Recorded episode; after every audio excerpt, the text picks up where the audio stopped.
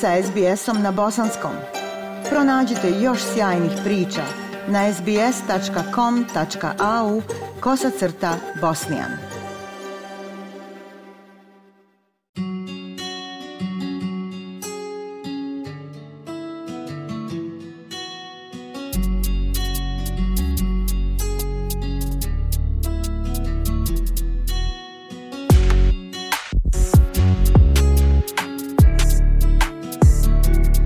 Slušate SBS program na bosanskom jeziku. Ja sam Aisha Hadži Ahmetović. Porez na kapitalnu dobit ili CGT označava poreznu obavezu koja proizlazi iz prodaje imovine. Ako ostvarite kapitalni dobitak pri prodaji imovine, taj iznos se računa u vašu ukupnu poreznu obavezu koju u Australiji prijavljujete nakon završetka financijske godine 30. juna. Ovaj porez je integrisan u vašu prijavu poreza na dohodak koju podnosite nakon zaključenja financijske godine. Ako ste prodali kapitalnu imovinu, kao što su nekretnine ili dionice, ključno je da prijavite ostvareni dobitak ili gubitak u svojoj prijavi poreza na dohodak kako biste izbjegli sankcije. Prilog Ručike Talvar.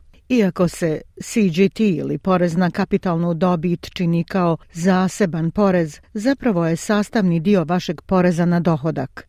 Australski porezni rezidenti su obavezni prijaviti svoje kapitalne dobitke i gubitke u svojim porezkim prijavama te naknadno ispuniti povezane poreske obaveze. Australski porezki ured je tijelo odgovorno za kontrolu i prikupljanje poreza u Australiji. Većina ljudi se oslanja na računovođe za podnošenje godišnjih poreskih prijava. Manoj Gupta je ovlašteni računovođa sa sjedištem u Melbourneu, koji će vam detaljno pojasniti porez na kapitalnu dobit i njegovu primjenu. Uh, capital gains tax is a, a tax basically that Porez na kapitalnu dobit je porez koji država naplaćuje na dobit koju ostvarimo prodajom bilo koje imovine. Ta imovina može biti nekretnina, dionice, čak i današnja kriptovaluta ili bilo koja druga imovina, uključujući imovinu u inostranstvu. Ova dobit se dodaje na vaš oporezivi dohodak za financijsku godinu, uključujući platu ili prihod iz poslovanja, zajedno s dobitkom ostvarenim prodajom imovine. CGT obaveza predstavlja iznos poreza koji se mora obavezno platiti na prodaju imovine, a izračunava se prema stopi poreza na dohodak poreskog obveznika. So if, if a taxpayer Kada poreski obveznik proda bilo koju imovinu, kao što je recimo nekretnina, bez obzira na to ostvaruje li dobit ili ne, mora to prijaviti u svojoj ličnoj poreskoj prijavi koju svi poreski obveznici pripremaju i podnose svake godine.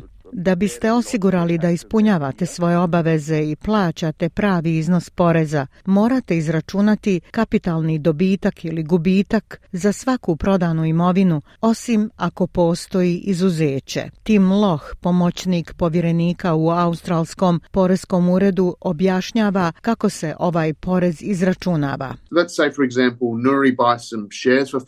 Recimo da Nuri kupi dionice za 5000 dolara, posjeduje ih 6 šest mjeseci i proda za 5500 dolara. Pod pretpostavkom da nema drugih kapitalnih dobitaka ili gubitaka, Nuri bi morala prijaviti kapitalni dobitak od 500 dolara u svojoj poreskoj prijavi i platiti porez na ovu dobit po stopi poreza na lični dohodak. Iako se porez na kapitalnu dobit najčešće primjenjuje na prodaju nekretnina, postoje izuzeća. Gospodin Gupta objašnjava. In general, principal place of residence is exempt from capital Općenito, glavno mjesto prebivališta oslobođeno je poreza na kapitalnu dobit.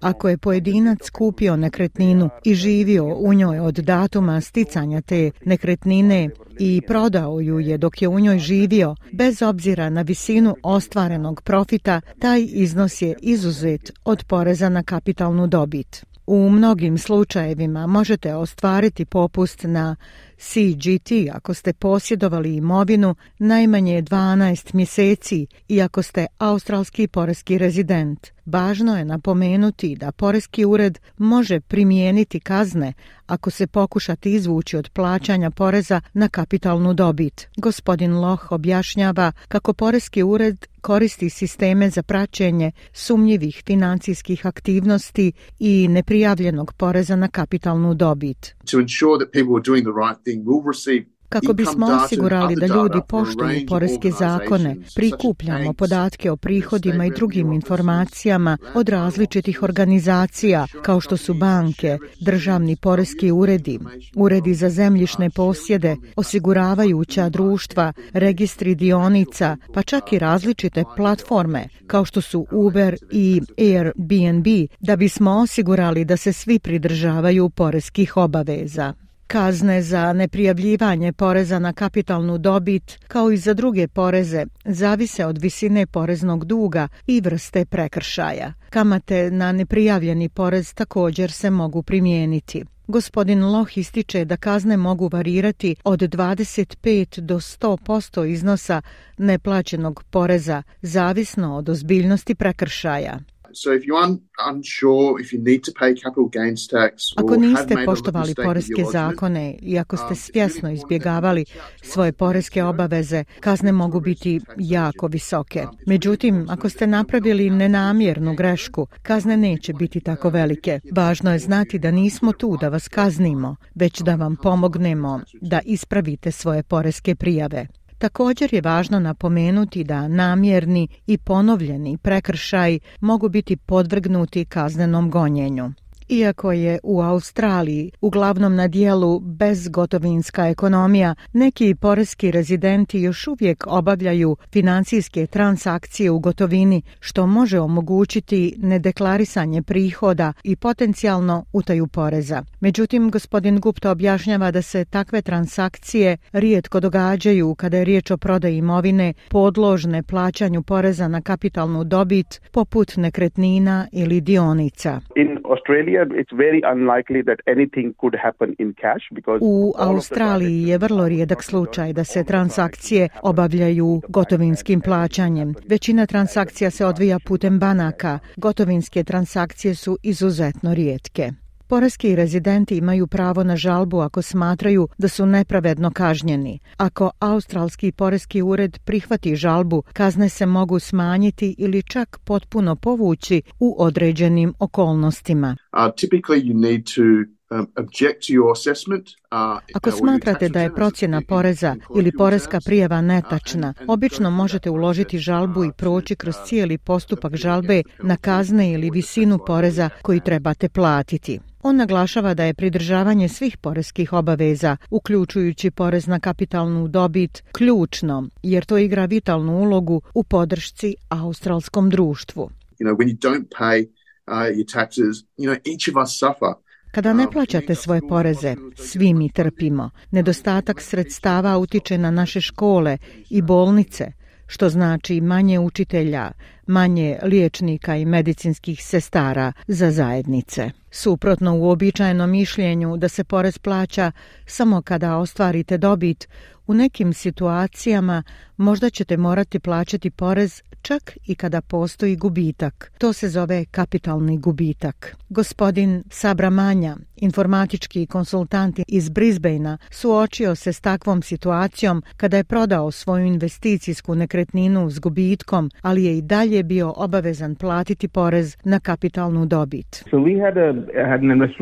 Imali smo investicijsku nekretninu u Tasmaniji. Kupili smo je za 420.000 dolara i u njoj živjeli nekoliko godina prije nego što smo se preselili u Brisbane. Iznajmili smo je na neko vrijeme prije prodaje, a njena vrijednost je pala sa 420.000 na 380.000 dolara. Kada smo podnijeli poresku prijavu, Australski poreski ured nam je rekao da imamo kapitalni dobitak. Situacije poput ove mogu iznenaditi mnoge ljude i često proizlaze iz kompleksnih preračuna troškova investicijske imovine. Gospodin Sabramanja opisuje kako su se ti preračuni odvijali u njegovom slučaju. Tehnički na papiru smo zahtijevali odbitke za investicijsku nekretninu kao što su amortizacija, održavanje, godišnji porez, što je smanjilo njenu vrijednost na 355.000 dolara prema Australskom poreskom uredu. Zato su tvrdili da imamo kapitalni dobitak od 25.000 dolara na koji moramo platiti porez u iznosu od 3 do 4.000 dolara. Sve informacije o godišnjim poreskim prijavama i porezu na kapitalnu dobit možete pronaći na internetskim stranicama Australskog poreskog ureda. Web stranica Australskog poreskog ureda pruža korisne informacije o svim poreskim temama na 36 jezika. Like, share, comment. Pratite SBS Bosnian na Facebooku.